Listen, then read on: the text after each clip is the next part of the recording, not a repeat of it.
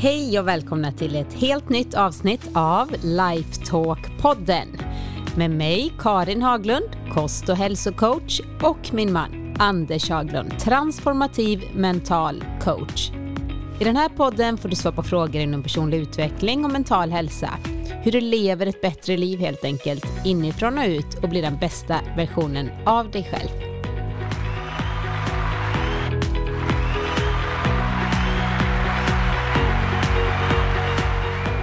Hej Anders!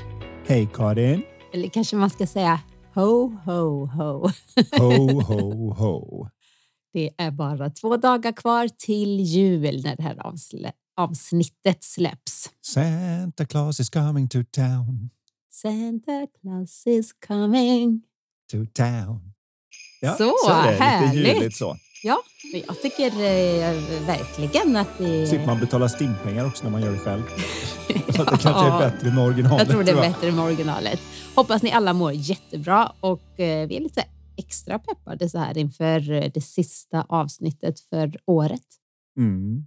Det är lite sorgligt nästan, men eh, så är det ju. 2023 är på väg att ta slut. Det är bara lite jul och mellandagar och ett nyår på G. Mm. Och det är inte så lite. Nej, det är det inte. Det är ju en härlig tid. väldigt eh, härlig tid tycker jag. Mm. Du börjar ju tidigt med att se till att det blir juligt. Du, Ja. skulle, få, du skulle börja på midsommar om du hade chansen. Nej, det skulle jag inte älskling. Men däremot så tycker jag att det är roligare så att säga innan än efter jul. Jag är inte den som har kvar gran och sånt utan jag vill gärna bort med det sen. Snabbt ja. Ja, då är det nästa grej. Just det, du har inte ingen Nej, det inte. sentimentalitet alls. Bara tjoff bort med det. Så nu hoppas vi ju verkligen att ni vill lyssna på oss när ni kanske håller på och julstökar. Mm. Lagar lite goda fräscha grönkålssallader och eh, slår in julklappar och ja, men allt sånt där. Så, Eller kanske man är fixar. ute och skaffar de där sista julklapparna. Så Det var kan lite skönt. det Det är ju ju inte alla som är fullt så tidiga som eh, vi är. Man hade ju, eh, jag är ju sån. Jag har ju alla mina klappar klara sedan några veckor tillbaka. Det är ju lite tokigt egentligen, men så är Fa- det. Vi, vi kan ju faktiskt säga att vi har ju inte köpt några klappar i december utan allt var ju färdigt. Det var det sista där när det var vad heter det? Black Friday. Ja, det kanske var de Vi är sista. så himla sådär. nördiga där. Men jag, ty jag tycker det underlättar. Sen går jag gärna ut. Det var, jag tror det var förra året, det var väl eh, dagen innan julafton, en fredag. Då var vi nere på stan och gick och fika. Alltså, vi hade hur lugnt som helst för att då var så mycket var liksom klart. Mm. Jag tycker det är jättemysigt. Så är det. Men eh, kan det vara så att du har samlat på dig några frågor från lyssnarna? Ja, jag har till och med fått en fråga som jag eh, prioriterade just för att den är så aktuell. Så den eh, fick jag häromdagen. Så lyssna nu, för nu kommer den. Hej och tack för en jättebra podd. Tänkte det vore intressant att höra er prata om jul och förväntningar. Om ni hinner ta upp detta i något avsnitt innan jul vill säga. Ja, det gör vi ju nu eftersom den frågan kommer nu. Eh, jag är en person som ofta har höga förväntningar på mig själv och just kring jul så blir det nästan varje år för mycket helt enkelt. Är helt slutkörd på själva julafton av sena kvällar, förberedelser och så vidare. Hur sjutton får alla till den perfekta julen och samtidigt hinna njuta med nära och kära när det väl gäller? Har ni några tips att ge mig? Tack från Anna, en trogen lyssnare. Ja. Jag kanske ska börja med att ta de rent mentala aspekterna på det här. När vi säger att vi har höga förväntningar så är det en omskrivning av att vi har en massa tankar om hur vi tror att det måste vara för att vi ska tillåta oss själva att ha sköna känslor. Och det är egentligen vad förväntningar är. Och när vi sedan inte uppnår de förväntningarna och då är besvikna så glömmer vi av att all besvikelse kräver adekvat planering. Så det går inte att bara gå omkring och bli besviken plötsligt av de höga förväntningarna som man kallar det. Utan jag måste ha en ganska stark idé i mitt huvud om hur jag skulle vilja att det var. Och sen jämföra det i mitt huvud med hur det blev. Och i den jämförelsen så kan jag sedan säga se så långt ifrån det är. Nu är jag besviken och så utlöser vi de där känslorna som vi då gärna vill undvika istället.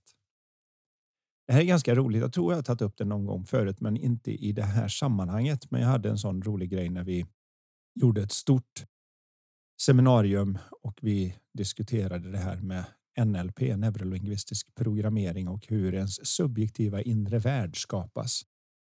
Vad vi hade då var att vi hade en av övningarna, du kommer säkert ihåg det här, men en av övningarna som vi hade i det kompendium jag hade gjort till det seminariet så var det att man skulle ta fram ett bra minne och så skulle man se det minnet framför sig, blunda och gå in i det och så skulle en annan person sitta då med det här formuläret som var i, i kompendiet och gå igenom frågor där människan fick då besvara om sin inre upplevelse av detta. Så säg att någon tänkte på ett sommarminne eller vad det nu än var och så ställer den andra människan frågor som när du tänker på det här, ser du det från dina ögon eller ser du det som om det vore en kamera stod vid sidan och du är med i bilden? Ser du det i färg eller ser du det i svartvitt? Är det rörelse eller mer som en stillbild? Varifrån kommer ljud och annat sånt där? Och när vi gör den här övningen så sitter alla och tycker det är jättefascinerande för man har liksom aldrig tänkt på alla de här sakerna och hur formbar min inre värld är.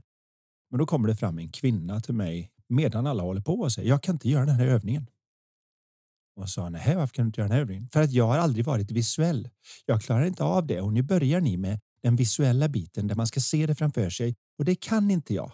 Jag har liksom inte klara bilder i mitt huvud. Och då sa hur vet du det? Och då sa hon Ja, för ta hon som jag gör övningen med till exempel. Hon har jätteklara bilder. De är färgstarka, de är levande, de är så tydliga. Jaha, sa jag. Och dina bilder då? Nej, de är så blaskiga och de syns knappt. De försvinner fort och de gör det ena och det tredje. Och hon stod och visade mig i luften skillnaden mellan de här två. Varje gång hon berättade om den andra personens bilder så pekade hon i luften och ritade upp hur tydliga de var. Och sen ritade hon upp hur dåliga hennes var. Och det där lät jag henne göra fram och tillbaka flera gånger innan jag sa att du är med på att båda de är i ditt huvud. Det finns inga verkliga bilder Nej, framför dig. Hur, visste hon, hon, hur visste hon att hennes var så dåliga? Jo, för att hon såg hur klara den andra personens bilder var. Så hon hade förmågan. Ja, yeah, men bara när hon föreställde sig att någon annan gjorde det. Så där fungerar det lite grann med våra förväntningar på saker. Så vi ger upp stora förväntningar om hur perfekt julen är, hur alla andra har den perfekta julen och hur dålig våran är i förhållande till det som de andra säkert har, för de har så klara bilder om sin jul, mm. medan mina är så tråkiga. Det finns ju inget sånt som är den perfekta julen, utan det handlar ju mera just om vad är det egentligen som är viktigt med julen?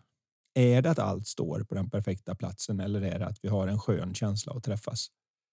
Och det har inte med jul att göra så mycket, men just det där att man ser vad är det jag egentligen är ute efter? Jag är ute efter de sköna känslorna som jag normalt sett inte tillåter mig att ha förrän allt är perfekt så jag kan släppa alla de där blaskiga tankarna jag har jämfört med de klara tankarna jag har. Och så kanske man blir ännu tuffare mot sig själv när man väl sitter där på julafton och mm. tänker att nu är allt perfekt. och så mår man ändå kanske inte psykiskt bra, att man är helt slut. Och så blir man besviken för det.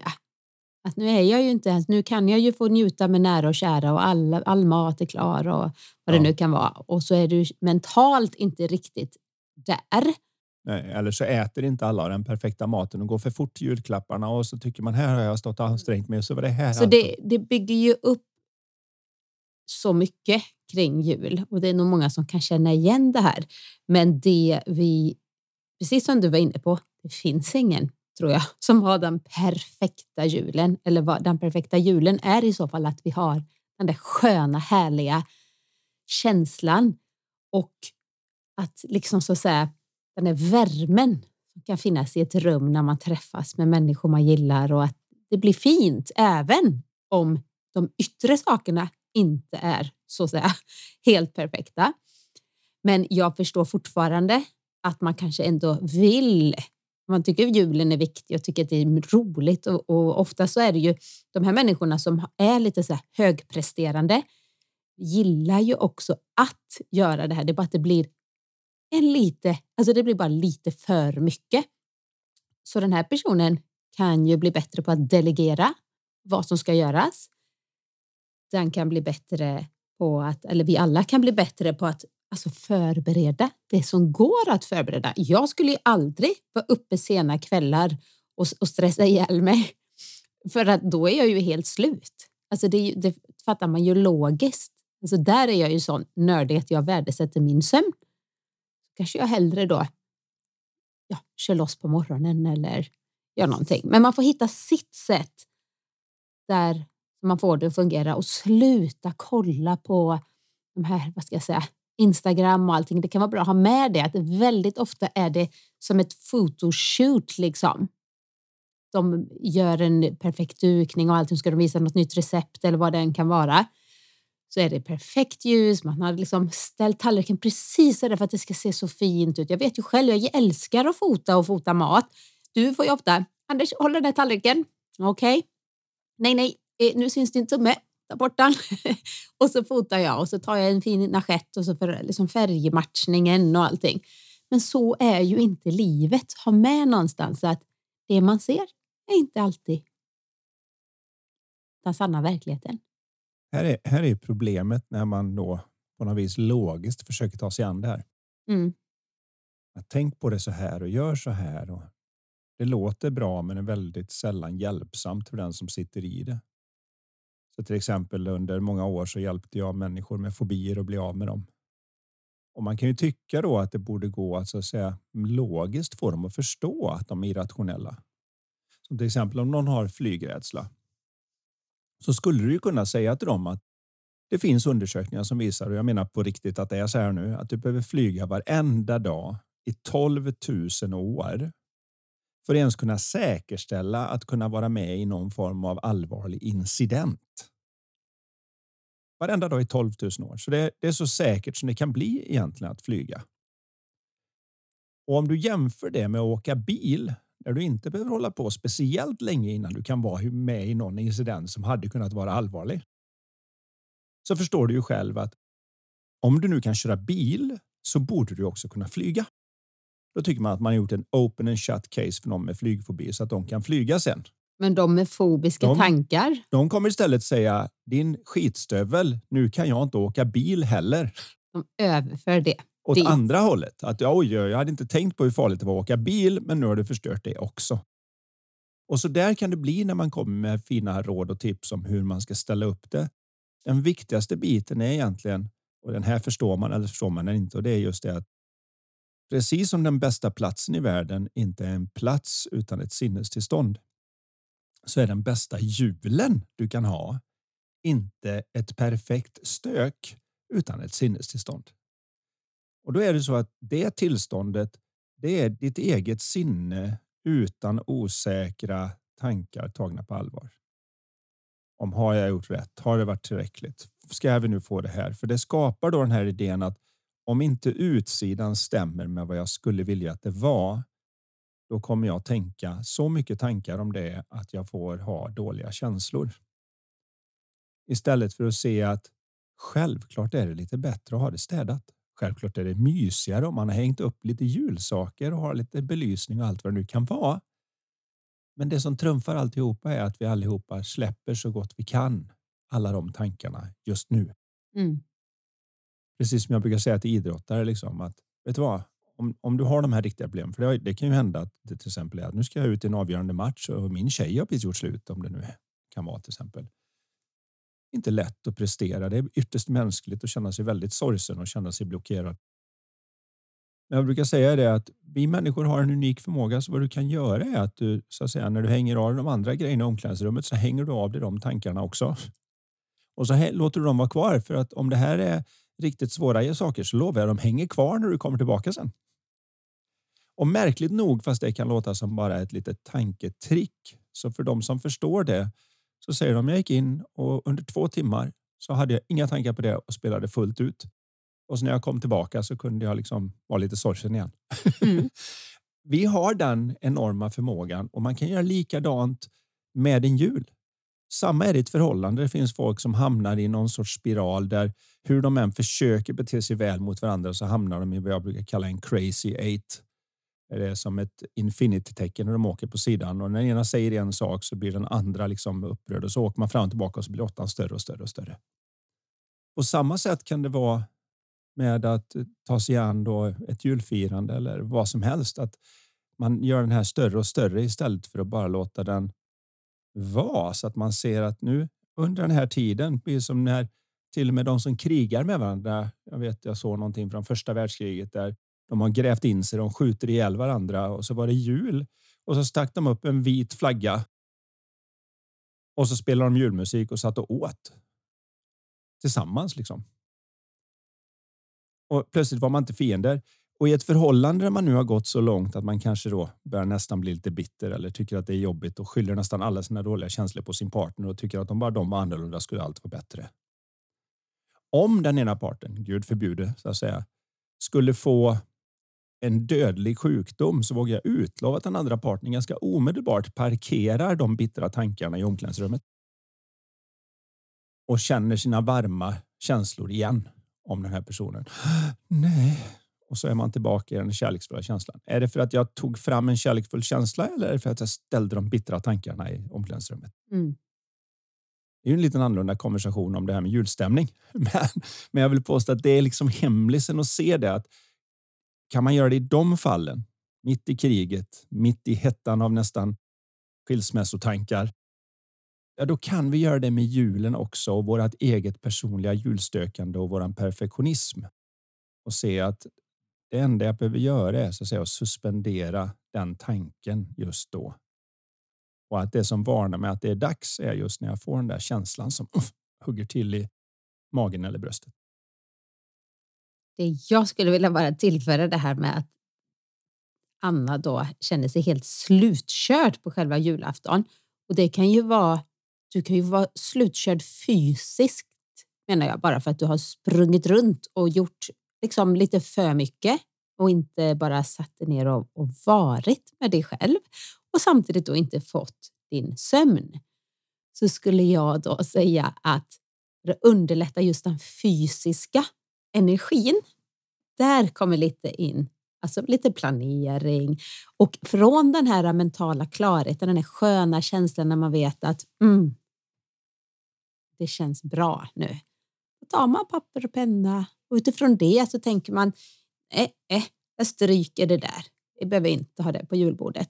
Eh, det får om de vill äta det, då får de ta med det själva. Alltså du vet lite så här, det blir så tydligt att ta ut, det var väl i och för sig väldigt vanligt förr att man typ så här julstäda, jag vet inte, skåp och allting. Helt plötsligt ska porslin diskas och eh, hålla silverskedar ska grejas med. Men så är det inte riktigt idag. Men ändå så skapar vi lite väl mycket onödig stress.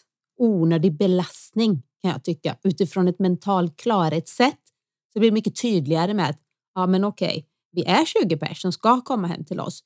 Hur får jag det praktiskt att fungera? Det blir så mycket lättare att logistiskt bara se okej, okay, den får göra det, den tar med sig det.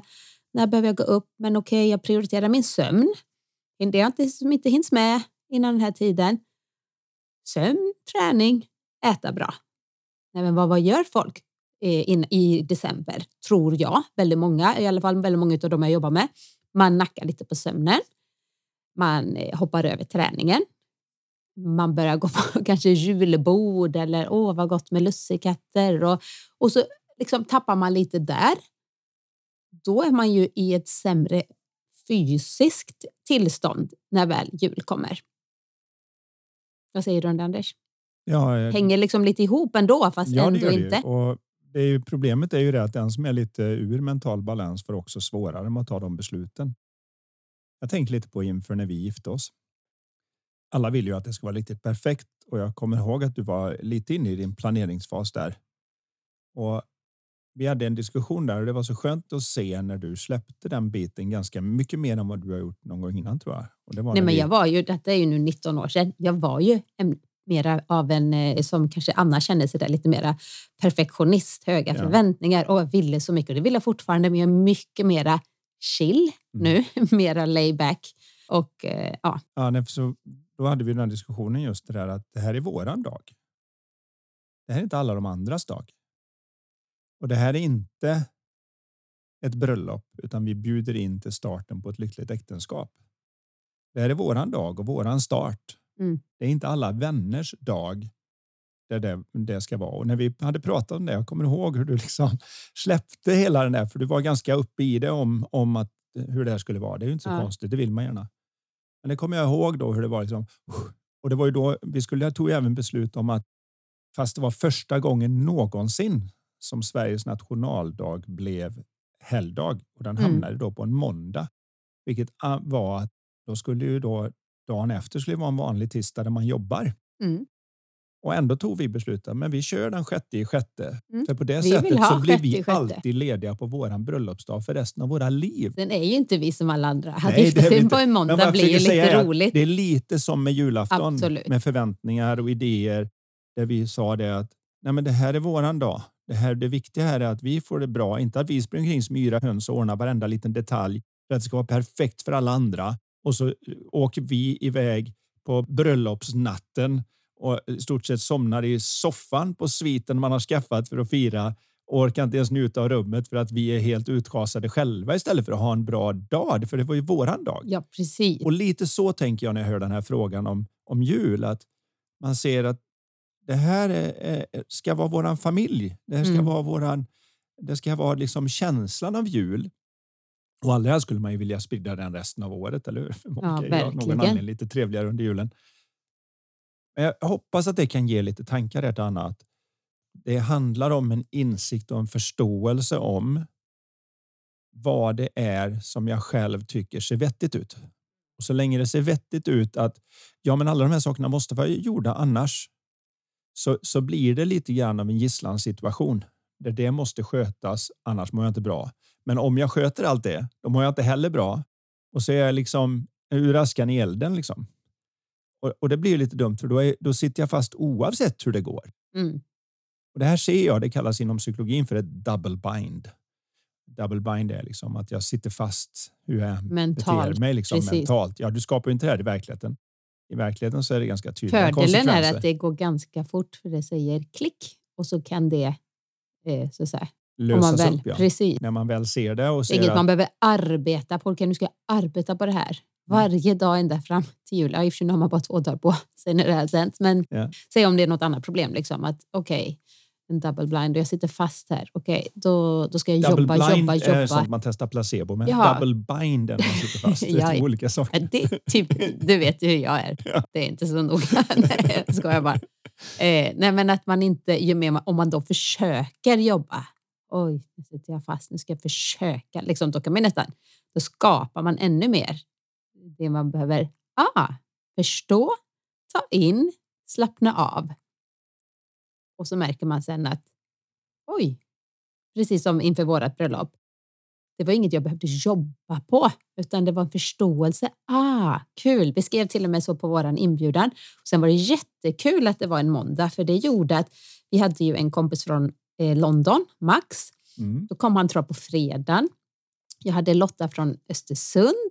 Hon kom också på fredagen och, och, och mina så här, eh, vad heter det, brudtärnor. Alltså vi hann verkligen så här hänga hela helgen. Och alltså lördag, söndag. Alltså, vi hade jättemysigt. Det var som liksom så för, förfest. Förfest, ja. Jag höll på Ja. att säga förspel, men nej, det, riktigt så blev det inte på bröllopet. ja, nej, men det, var ju kul att vi fick, han ta upp den här frågan känner jag. Eh, ska vi ta en till? ja, Och detta är då från Petra. Stort tack för en jättebra podd. Har ni något råd till hur man kan vara ute i mer god tid? Jag kommer aldrig för sent, men alltid i sista sekund. Jag hatar att komma för sent, så det gör jag inte. Men jag stressar alltid jättemycket och kan springa sista biten för att hinna. Så jag betalar ett högt pris för att komma i tid och jag vill så gärna sluta stressa och skynda mig, men får inte till det. Hur ska jag tänka? Stort tack på förhand och det är då från Petra. Mm. Jag ska först säga det att alla kommer i den tid som är vettig för dem.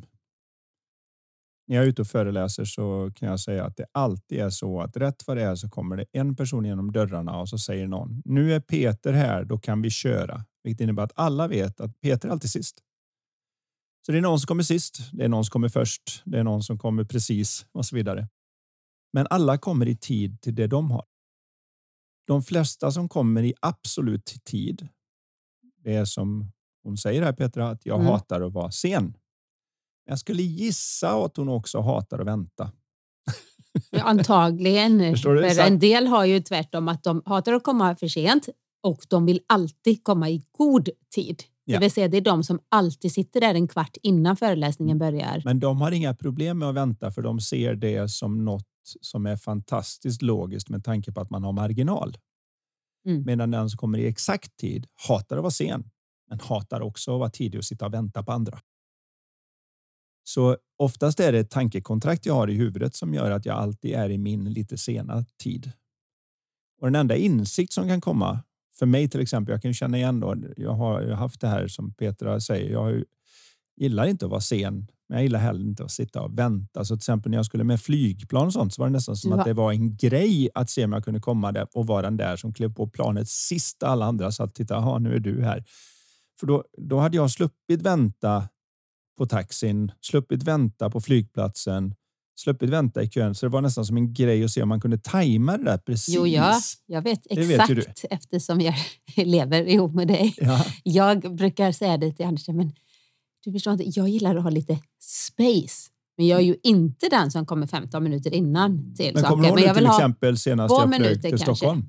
ja, Då åkte jag så att jag var där med en timma på en inrikesflight. det har ju nästan aldrig hänt innan. Ja, Vad är det som det- har hänt? För att jag på något vis så landade även hos mig när man pratar om de här sakerna. Att mm. vad är meningen med, vad ska jag göra med tiden här som jag sitter och gör ingenting för att slippa göra ingenting på flygplatsen?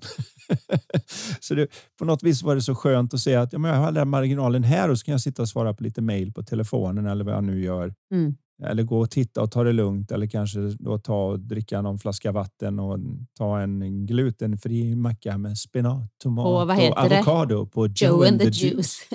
Eh, vilket är ett av de få ställen man kan få något att äta på om man nu vill ha glutenfritt och lite sånt om man tar Mm. bort det de har på annars. Men det, det spelar ingen roll. Själva grejen var att när det plötsligt såg vettigt ut att vara i mer tid så är jag i mer tid. Men det gjorde inte det i min tanke förut för jag kunde inte förstå varför jag skulle sitta där och vänta.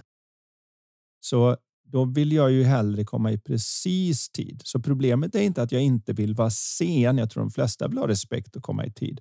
De som kommer tio över, de tycker att det kommer alltid några sent och jag vill inte vara då den som kommer klockan åtta och sitta och vänta på de där som kommer sen. Så de är en Men av de dem har, som inte kommer. så, de har liksom inte så... Om det är någon person här som känner igen sig som ofta kommer för sent, för det kan ju hända alla någon Ja. gång att man, man kan liksom fastna, det kanske är en trafikolycka eller någonting. Men den personen då som vanligtvis inte kommer för sent, som kommer för sent, kommer ju vara helt alltså, liksom upprörd över det här. Och, och förlåt, förlåt, förlåt, herregud. Liksom, alltså verkligen tycker det är jobbigt. De som inte tycker det är så jobbigt att komma för sent, de kommer ofta, ofta för sent. Och för Märk att det är inte så, de har inte byggt upp att det är så viktigt att hålla tider. Det är inte så mycket att de tycker att det är viktigt att hålla tid. Det handlar om en känsla som man har i kroppen. Det är nästan alltid det som styr. Så märk att de flesta som är sena är ungefär lika mycket sena. Så det är de som alltid är fem minuter sena, de som alltid är tio minuter sena. De, som De alltid skulle ha jobbigt att vara 35 minuter för sena. Ja, det skulle Då de får inte de gilla det alls. här stresspåslaget Ja, kanske. precis. Mm. Så att man har i, sitt, i sin tanke skapat här är linjen. Hit men inte längre. Och så är det ju med nästan allting. Det är inte bara tid där vi gör det. Det är ju med moral och etik. Det är med allt möjligt. Mm. Du kan ju absolut inte snatta i affären, men man kan ta med sig papper och pennor hem från jobbet. Det är en annan grej.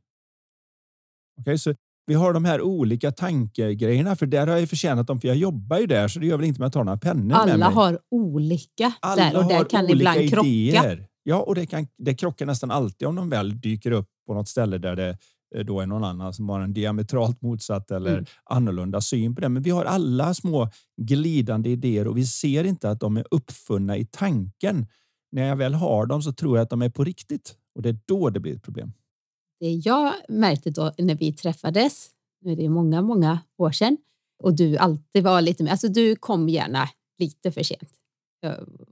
Alltså, och då, det jag sa till dig då när vi skulle äta lunch, kommer det? Jag jobbade på ett gym eh, som delägare där och så hade jag ja, till exempel lunchrast klockan ett. Så brukade du komma och hämta mig och så åkte vi till stan och så åt vi lunch ihop och så körde du tillbaka mig. Och då sa jag ofta så här, ja men eh, vi har lunch tio idag. och då kom du ett och så behövde jag inte säga någonting om det. Nej, du, Jag lurade dig lite där.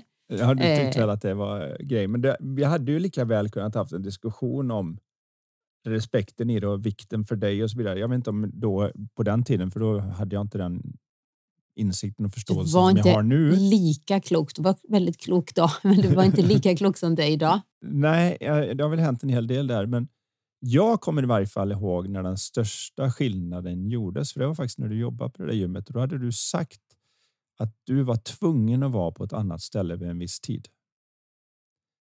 Så nu ville jag verkligen hålla tiden. Alltså jag, hela min själ ville det.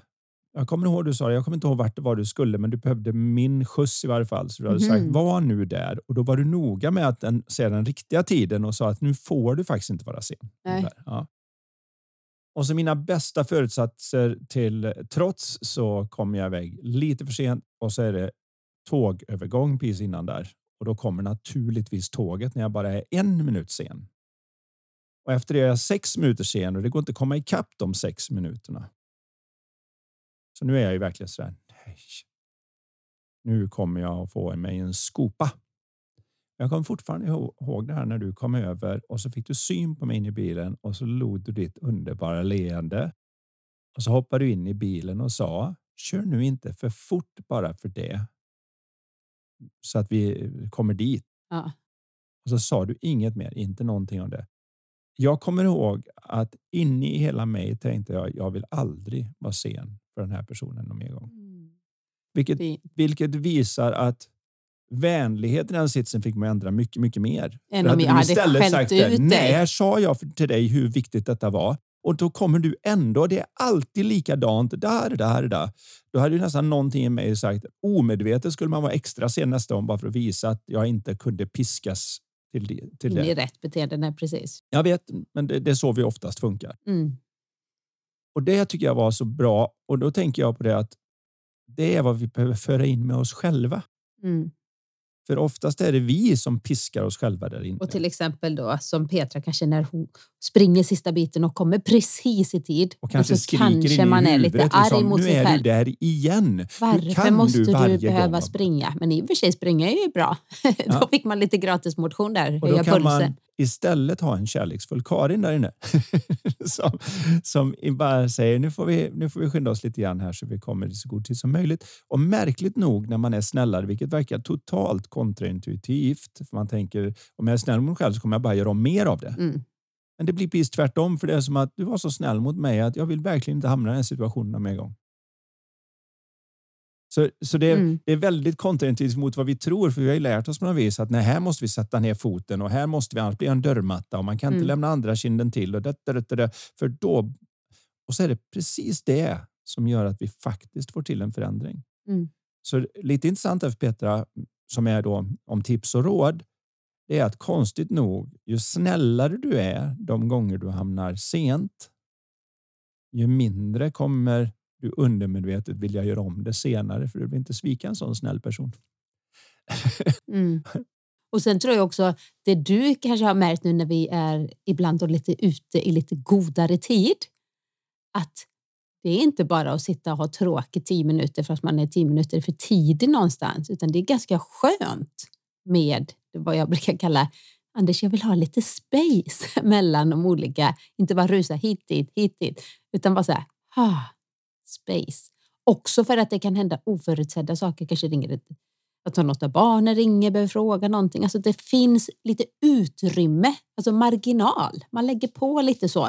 Så man kan ju ibland göra som så att om det, vi har ett möte eller någonting så säger jag faktiskt typ typiskt är föräldramöte eller ja, på skolan. Då säger jag ofta tio minuter, en kvart. Eh, alltså skillnad i tid till, till dig. Fortfarande. ja, det Ja, gör jag faktiskt ofta. För att vi ska komma dit och så hinner vi säga, ja, nej, det var kvart i. Ja, jag tror det var halv. Ja, men nu är hon ju en minut över halv, så det betyder det inte var halv. Okej, så vad ska vi ta upp? Alltså då hinner vi så här landa lite. Jag tycker det är jätte, det är ett bra knep. Det kan man göra med sig själv också. Har man bokat tid hos frisören klockan eh, fyra, då skriver man in i kalendern kvart i fyra. Att jag Tio gillar ju fyra. alltid när man bygger det på Jo, någon sorts två plus två är fyra än att man då ska anta att du är så Nej. liten och svag så Nej, du fixar jag- inte det här om jag inte lurar dig. Det, det är någonting med det allmänna förtroendet i att kunna hålla sig till det och ha en vettig diskussion om det och Mm. se om det klickar till.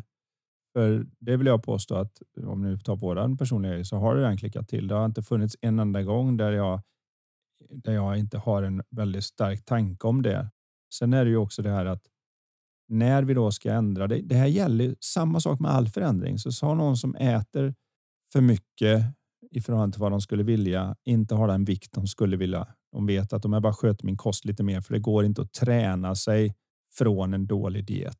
Det räcker inte. Jag menar, det, är, det är en väldigt liten bit choklad på väldigt mycket springa på bandet. Så det är nästan omöjligt. Ja, nu vet jag det och så misslyckas jag och så drar jag loss och är arg på mig själv över det. Då tänker man att då skulle jag fatta och inte göra om det, men det är precis då jag gör om det. För då mår man lite mentalt Och då mår man sämre och då måste man äta för att fixa det. Det är samma med tid. Det spelar ingen roll vilken typ av förändring jag vill åstadkomma så är den bästa sättet att komma dit jag vill är genom att vara snällare mot mig själv men samtidigt tydlig. Mm. mm det som jag märker med chefer, 60-årsåldern som har i stort sett haft ett professionellt liv som ledare kan fortfarande ha väldigt svårt att separera tydlighet från hårdhet. Så varje gång de ska bli tydliga så blir de också hårda. Jag tror att alla kan känna igen det, om inte annat med barn eller sånt. Där man kan tycka att nu vill jag vara tydlig, men så gäller det så blir man också hård samtidigt. Man blir liksom, nu räcker det. Nu ska jag bara tala om att så här kan vi inte ha det. Mm. Och den är alltid kontraproduktiv. Men man kommer ofta inte på sig själv förrän efteråt. Så det handlar om att kunna se någonstans att nej, det är den här mjukheten ihop med tydligheten. För ofta blir det så att om jag nu då försöker vara mjuk, då blir jag också ofta fluffig. Alltså då blir jag inte så tydlig. Mm. Och ska jag vara tydlig så blir jag hård. Och bara att man ser att de två mjuk sitter inte ihop. Mjuk och tydlig. Just det. Varm, kärleksfull och Tid. tydlig. Inte hård och tydlig. Inte så att säga varm och Åh, då spelar det ingen roll. Då ordnar det sig nog för att det är så skönt allting. Nej, inte det heller. Varm och tydlig. Mm. Inte helt lätt vet man av egen erfarenhet, men jag vet också att det är det mest effektiva sättet Och Jag kan framåt. också säga till Peter, om det nu låter som att jag är någon som alltid kommer i tid, att det är faktiskt ofta jag, jag säger det till dig, jag pratar med dig kanske i telefon, bara, jag måste springa nu, jag måste lägga på telefonen, jag kan inte prata, jag måste kuta för att hinna i tid. Liksom. Ja, eh, och numera är det faktiskt ganska ofta jag sitter i bilen före. Ja, att, eh, alla kan jag. Jag har gått åt, jag har blivit lite mer manjana. Nej, det har jag inte. Det är mönster också, vanor och men som sagt då, att inte piska sig för att man får springa. Titta mot vad som verkar vettigt på riktigt. Man kan ju också så här. Man kan springa någonstans utan att vara stressad. Det är också intressant. Det är inte det att det behöver betyda att jag är jättestressad för att jag får jogga sista biten. Ibland kan någon säga oj, jag kommer in. Oh, hej, liksom, man kom i tid. Jag bara, jag fick jogga sista biten. Ja, men du är ju god tid. Jo, jag vet, men eh, eller du är precis i tid. Jag blev bara lite, lite extra motion. Det kan man vara utan att vara stressad. Ja, jag, jag, fokus, jag är mer fokuserad. Att, kom igen nu, oh, jag har en minut, jag kommer hinna. Yes, bra. Liksom, och så blir det nästan som en lite så här, tävling, alltså lite kul. Ja, eller så eh, inser man att jag kommer ju komma fram när jag kommer fram och vad det gäller fart så har jag ofta eh, använt det här som ett exempel att om det vore så att fart har någonting med stress att göra så skulle Usain Bolt vara världens mest stressade person. Men de är ovanligt avslappnade för de ser det att man kan separera dem. Precis som man kan separera hårdhet från tydlighet. Mm så kan man separera fart från stress. Och det är jättebra när man har deadlines och sånt och se att jag kan göra mitt bästa så fort som möjligt hela vägen in i kaklet för att klara min deadline. Jag kan vara lugn medan jag gör det. Jag kan vara avslappnad medan jag gör det. Och då kommer vi in på den föregående frågan. Så kan jag känna mig ibland inför ett kalas eller någonting. Jag älskar ju liksom att preppa och fixa och du bara oj, har du gjort det här? Har du gjort det här? Och jag har bakat frökex. Ja, fast jag har varit lugn var effektiv. Yes, nästa grej av på listan. Så man kan ta det här så att säga julstöket fast göra det helt ostressat. Ja, det är bara att se att det ens är möjligt är en stort första steg. Mm. Jag tror att de flesta har svårt att separera den. Att det går ju inte när det är så här. Mm. Istället för att se att... Nej, Precis det... samma, det går ju inte att inte jäkta om man är sen och måste springa. Jo, det går alldeles utmärkt. Du kanske behöver springa för att komma i tid, men du behöver inte vara stressad för det. Nej, och, och det är lite spännande. Få lite just. högre puls bara för att du rör dig. Ja. Men du behöver inte vara stressad mellan öronen. Och det är ju det som syns ganska tydligt då på att det går att stressa upp sig vid vilken tidpunkt som helst. Ett exempel från min föreläsning plugg plugg som du kan hitta i våran eh, shop som eh, heter att brinna utan att bränna ut sig. Där drar jag bland annat ett exempel om just det här med att det är en halvtimme kvar. Det tar en halvtimme att åka dit. Hur många är stressade? Ungefär hälften räcker upp handen på den. Om man har hundra personer framför sig. Eller någonting. Så hälften säger ja, jag skulle vara stressad då. Och då frågar man dem som skulle vara stressade. Varför är du stressad? Och då blir svaret något i stil med. Men det räcker ju att minsta lilla händer så är jag ju sen. Och så frågar du de som inte är stressade så säger de. Ja, du sa ju precis att det tar en halvtimme att komma dit och en halvtimme på mig. Vad är problemet? Så sträcker man ut den och säger okej, okay, du har 45 minuter på dig. Det tar en halvtimme att komma dit. Så nu har du en kvart i marginal. Hur många är då stressade? Och då räcker fortfarande 25 procent upp handen och säger ja, man vet ju inte om det är något allvarligt eller det är för lite marginal för mig. Medan då 75 procent säger ja, men nu förstår jag inte problemet alls. Mm. Och nu kommer det konstigaste för de flesta. Det är att om jag då säger om du har bara en kvart på dig nu. Det är bara en kvart kvar till du, du ska vara där, men det tar en halvtimme att komma dit. Då räcker 75 procent upp handen och säger då skulle jag vara jättestressad. Då frågar man varför? För jag kommer ju vara sen. Och så frågar man de där 25 procenten som inte är stressade och säger Ja, men nu är det ju kört. Då är det ingen idé. Då kan man lika väl Man vet att man kommer för sent. Jag vet Om det, blir 15 så... eller 20 eller 22. Nu är det, du, du är för liksom. sent. Ja. Liksom. Du har antagligen skrivit något sms. Eh, ja. Det viktigaste i hela det här tankeexperimentet är att se hur konstruerat det är i tanken. Hur jag ska må beroende på om det är en kvart kvar, 45 minuter kvar, 30 minuter kvar och att det finns ett gott argument att göra från båda sidor hela tiden. Så man kan se att en vettig människa kan säga jag har 30 minuter kvar och, och det tar mig 30 minuter. Jag skulle vara lite orolig för att jag skulle vara sen om det händer någonting. En vettig människa kan säga det. Jag förstår inte problemet för det tar 30 minuter. Jag har 30 minuter. En vettig människa kan säga det också. 15 minuter kvar tar 30 minuter. Jag är stressad för jag vet att jag kommer bli sen. Vettig människa kan säga det. Det är redan kört så då är det ingen idé att stressa upp sig för jag kommer vara sen. En vettig människa kan säga det. Och när man ser att vettiga människor kan vara på båda sidor om argumentet så behöver man se hur konstruerat det är i tanken och då kan man släppa både julstress och annat som man då håller på med när vi nu pratar om de här frågorna. Så det är väl det som jag vill komma fram till där och att när man ser något nytt och fräscht där så plötsligt så ser någonting nytt vettigt ut som inte gjorde det innan och när det ser vettigt ut så det ramlar av utan att man behöver jobba på det. Väldigt bra. Det gick ihop fint de två frågorna. Vi tar upp en till, för det här rör också lite julen faktiskt. Kan ni ta upp ämnet ensamhet i podden? När man inte har så många vänner och släktingar och nu är det snart jul. Det blir extra påtagligt då. Jag firar i och för sig med min mamma, men hon börjar bli till åren och har dessutom visat upp tecken på demens. Har inga fler syskon och min pappa är död.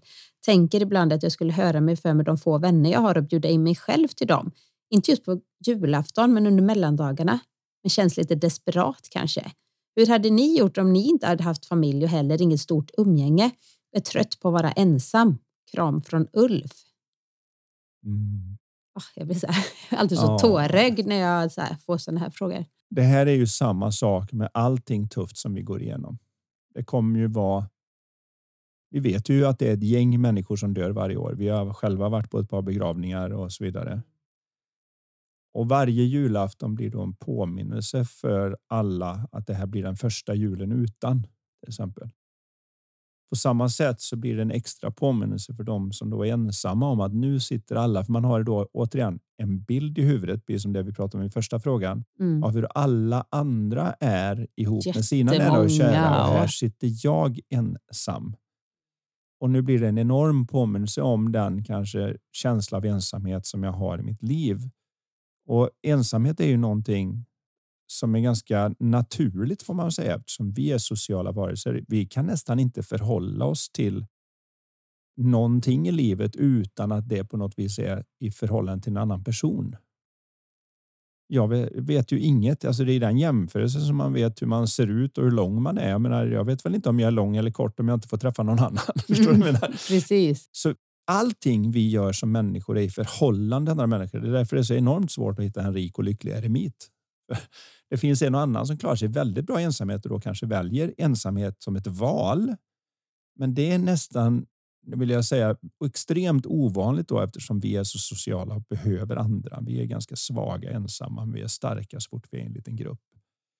Det visar sig att det är en av de största faktorerna för både lycka och hur länge vi lever är om vi har bra förhållanden. Så att vi har något sammanhang ihop med andra där vi har skrattar lite grann mm. med andra människor, där vi får ta och röra vid andra människor. Det, det är jätteviktigt för oss överhuvudtaget, så vi ska inte negligera den på minsta sätt här. Jag tycker, jag vet inte om det här är kanske väl dramatiskt, men jag har tagit upp det förut att när man tittar på en gravsten så står det två årtal där, men det är ett bindestreck emellan och vi lever i det bindestrecket. Det är där alla människor har rest, haft mm. sex, köpt saker, kramat om folk. Allt det som vi tycker hör livet till händer i bindestrecket och livet är kort även när det är som längst. Så att hindra sig själv från att bjuda in sig. Jag tror att många skulle dessutom känna att det vore fantastiskt att få bjuda till och ta in någon som kanske då har hamnat i den här sitsen mm. bara för att det är hur livet har tätt sig. Jag vet ju när min egen mamma eh, gled in lite grann i demens mot slutet hur det inte var så kul att sitta där jämte sängen. Det var nästan som att man gjorde sin grej. Och det som alltså man gjorde det mest som plikt för man är tvungen att hälsa på sin mamma. Man har ju ingen att prata med egentligen. Hon är inte hemma liksom. Hon visste inte hur många barn vi hade eller så. Jättejobbigt när det är någon som dessutom har haft totalkoll på familjen och det varit den som liksom har skött allt. som var skarp som rackaren i hjärnan och så får man se det gå åt det hållet. Det är jättesvårt. Och då behöver man ett stöd. Man behöver ha någon mer. Och hur träffar man någon ny överhuvudtaget? Ja, alla nya människor i ens liv börjar med att man säger hej. I stort sett. Och man får inse det att det är inte desperat. Det är mera just att så funkar vi allihopa och i goda vänners lag. Så att man fokuserar lite mer, inte bara på att bjuda in sig, utan se om man kan bidra med så mycket värme och glädje som man kan i det nya. Så kan man, man kan bli en ny dynamik för dem också. För det vet man ju ibland när man har gått omkring och är nära varandra hela tiden och så mm. har man liksom inget riktigt att prata om och så kommer det någon och hälsar på. Och inte nog med att man lever upp ihop med den här personen, man lever ihop tillsammans, tillsammans också. Ja, för att man absolut. då får en katalysator mm. som på något vis är som en kemisk reaktion som gör att vi plötsligt kommer ihåg, just det, kommer du ihåg den gången och kommer du ihåg den gången och just det, och det har vi varit med om och ja, det berättar ju du, ja, kan du berätta? Och så är det som att någonting händer i det här Dynamiken. sociala sammanhanget som inte bara hjälper den som kommer in, men även hjälper dem som var där. Mm. Så ibland kanske man då när man bara tittar från sin egen vinkel ser det som att ja, här kommer jag in och så får de liksom ta emot mig som ett jon eller hjälpa mig. Istället för att se att ja, men Ulfs närvaro kan också vara en katalysator för dem i deras sammanhang. Där de får berätta de historier som nu är på nytt för mm. att Ulf har inte hört dem. Och så får de knyta samman till saker som de kanske inte tycker att det kan vi inte göra för det berättar vi varje jul eller vad det nu än är. Mm. Så att man ser kanske inte det värde man bidrar med själv i det sociala sammanhanget utan bara att man skulle vara en belastning. Det här är ju väldigt vanligt. Jag menar, jag kommer ihåg min är det inte väldigt svenskt också? Ja, det, men jag tror att Lite det också är en viss generation. Kanske nu vet vi inte vad det är för Nej, ålder. Men jag kommer ihåg min pappa till exempel. att Han jobbar hela livet. Han betalar skatt hela livet. Det går till en försäkring för pension och sånt. Men när han väl pensionerar sig så tyckte han ju liksom att ah, det är ett elände att vara pensionerad. Nu är man bara en belastning för staten. Ungefär som att han inte hade någon rätt att ta ut det där för att nu var han liksom ingen som bidrog, inte gjorde jobbet och så vidare. Och så där kan det vara även i sociala sammanhang såklart. Så att man ser att jag har ett värde i det här sociala sammanhanget där jag bjuder in mig själv eller frågar vad gör ni på mellandagarna? Vore trevligt och var ett tag sedan vi, vi pratade. Vore jättetrevligt att komma förbi. Och så gör man som man brukar när man ska få till någonting. Man möts hjärta till hjärta och säger som det är. Och särskilt säger man, öppnar man också upp och är sårbar och visar att Ja, jag, jag tycker det är lite jobbigt med jul. Jag känner mig väldigt ensam för jag har bara min mamma och hon är dessutom nu lite dement. Nej men herregud, vem, vem i ens närhet säger då inte men herregud vad, vad vill du göra på, ja, på juldagen är vi borta men, men annandagen kan vi inte ses då? Alltså då blir det ju att, automatiskt. Ja, alltså, vad hade du gjort Anders? Om du hade varit Ulf? Jag hade definitivt funderat lite grann på vilka som är den typen av människor som hade varit trevligt att vara med. Alltså var, var skulle man kunna ta sig? Men jag, jag vill bara reagera på en sak som bara slinker ur oss. För jag lyssnar ju som en coach även när du pratar. Och ibland då när jag hör uppströms, vad är det som måste vara vettigt? För man säger just så. Och då slog det mig när du sa så här att ja, men man måste öppna upp och vara sårbar. Konstigt att folk inte vill öppna upp om det är sårbart. Istället för att säga att öppna upp och vara varm. Öppna upp och vara sann. Öppna upp och vara sann. Mm. Öppna upp och vara ärlig. Mm. Men vi säger öppna Men jag har i och för sig inga, det är precis, en del har nog väldigt, tycker sårbarhet, oh, det känns liksom lite Jo, men- jobbigt. Jag Men har märk inte, väl, vi är evolutionärt gjorda för att undvika skada. Det är inget bra med skada. Det fanns inga Nej. sjukhus en gång i tiden och så vidare. Så jag bara säger, i själva orden Mm, det med sårbar så kan det ibland bli så att det är inte riktigt som vi, vi pratade om det här med. att- Varför säger vi alltid att man ska jobba hårt, studera hårt? Allting ska vara hårt, hårt, Ja, hårt. vi brukar säga jobba smart. Ja, eller, Eller här, jobba kör försiktigt nu. Eller, Då brukar vi alltid säga, ja, Kör kör, bra. bra. menar du. för, för att köra försiktigt är inte alltid att köra bra. Det nej, kan faktiskt vara en trafikfara att köra för försiktigt, ja. Du försiktigt. orsakar Liv- olyckor runt, runt med din försiktighet. Så det är lite roligt så här, bara ofta byter ut det. Kör bra. Ja. Okej, kör bra. Så där har du en sån där som bara, jag vet att den är rent semantisk, men den är Mm. lite spännande just det här för att det är klart att vi undviker att vara sårbara för det antyder att vi precis har öppnat som ett sår och någon kan sticka spjutet i det eller hälla Mm. salt i såren eller vad det nu är vi använder oss av. För våra ord är bara en spegel av våra tankar och våra tankar är det som ger oss känslor. Och om det är så så blir det liksom lite viktigt. Det var därför jag ville backa upp där och se att nej, öppna upp och säg som det är. Det behöver inte vara Mm. något mer. Du är inte sårbarare än innan. Och man behöver inte ens säga, om man nu tycker att det är jobbigt att säga att man är ensam, så bara ändå skicka ut och fråga, vad gör Eller, ni då? man, eller säger man som det är. Jag sitter ensam hemma och vågar inte prata med någon. Det är därför jag är så sårbar. Till skillnad från att säga som det är och öppna upp. Mm. Och då är jag inte längre sårbar. Nu har jag gjort möjligheter. Mm. Så jag ville bara lämna den som en Mm. liten grej att se att bara genom att få någon form av insikt så kan jag få något helt nytt att hända därför att allt som behövs är en ny och fräsch tanke. Ingen människa är mer än en enda tanke ifrån det de letar efter. Jag tycker definitivt inte det är desperat. Inte desperat på något sätt. Jag hade typ gått ut på Facebook och skrivit på riktigt, någon som vill fira jul med mig. För sig har man fått massa tokstollar kanske. Ja, Man behöver ju inte säga ja för det. Nej, men jag, hade inte, det. Jag tror bara det är olika, men det är svårt att föreställa sig för det kanske inte hade varit så himla enkelt. Jag kanske inte hade gjort det. Ja, men Eh, jag, är men jag van, hade- jag är ju faktiskt van vid när jag var liten, när mormor och morfar fortfarande var i livet och höll ihop hela familjen. Då var vi liksom 30 pers på jul. Och Med att mina föräldrar har gått bort. Mm. Och, blir och alldeles så för få. Det är så bara är- vi och, det och min bara vi och mamma. din svärmor liksom numera. Din, svär, och min, svär, din svärmor, ja. ja. Precis. Jag tycker det är på sätt och vis tråkigt och jag har lekt med tanken flera gånger att man kanske ska bjuda in Ulf Just. kan komma hit. Ulf. Kom och fira jul med oss. Det är bara två dagar kvar, men hör du det här och du bor i närheten av Borås, snälla ring mig. ja, precis. Faktiskt, Ja, du Ja. ser. Men det, men det är lite bara just den här att man ser att när vi väl säger som det är så är vi alla i samma båt, samma mänskliga lilla båt. Vi lever en någorlunda kort tid ur ett rent kosmiskt perspektiv och alla vill göra det bästa av det. Alla vill ha lite värme. Alla vill känna att de växer. Alla vill känna att de gör skillnad och att vi bidrar med någon form av värde och lämnar världen lite bättre. Det, det, det är inte som att det är olika med olika människor, utan det är detsamma runt hela världen. Och det är lite det jag tror vi vill ska genomsyra den här julkänslan. Mm. Och fint. Så innan vi säger god jul till er så kommer jag säga en fråga istället till er. Och det är ju som vi alltid gör i slutet av varje avsnitt så drar vi en fråga från vårt spel som heter Life Talk. Och idag så är frågan så här.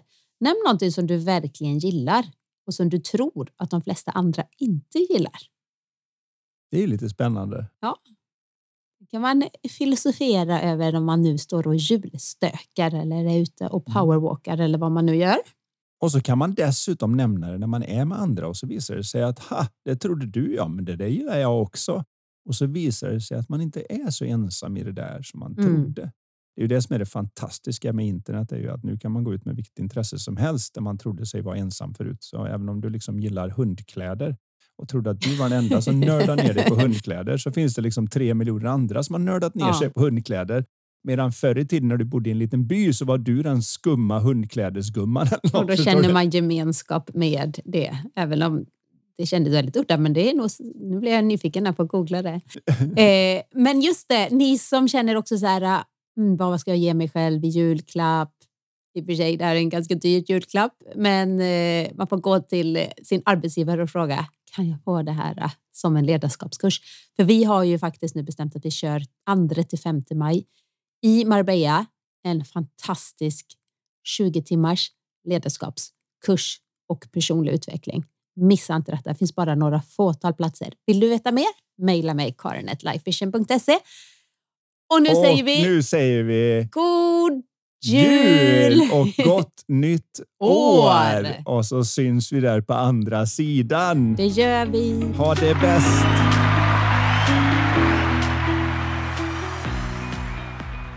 Du har lyssnat på Lifetalk-podden. Vi vore så tacksamma om du vill lämna ett betyg och eller en recension i iTunes. Dina frågor de kan du skicka till oss på lifetalkpodden.se. Spelet Lifetalk finns också att beställa där.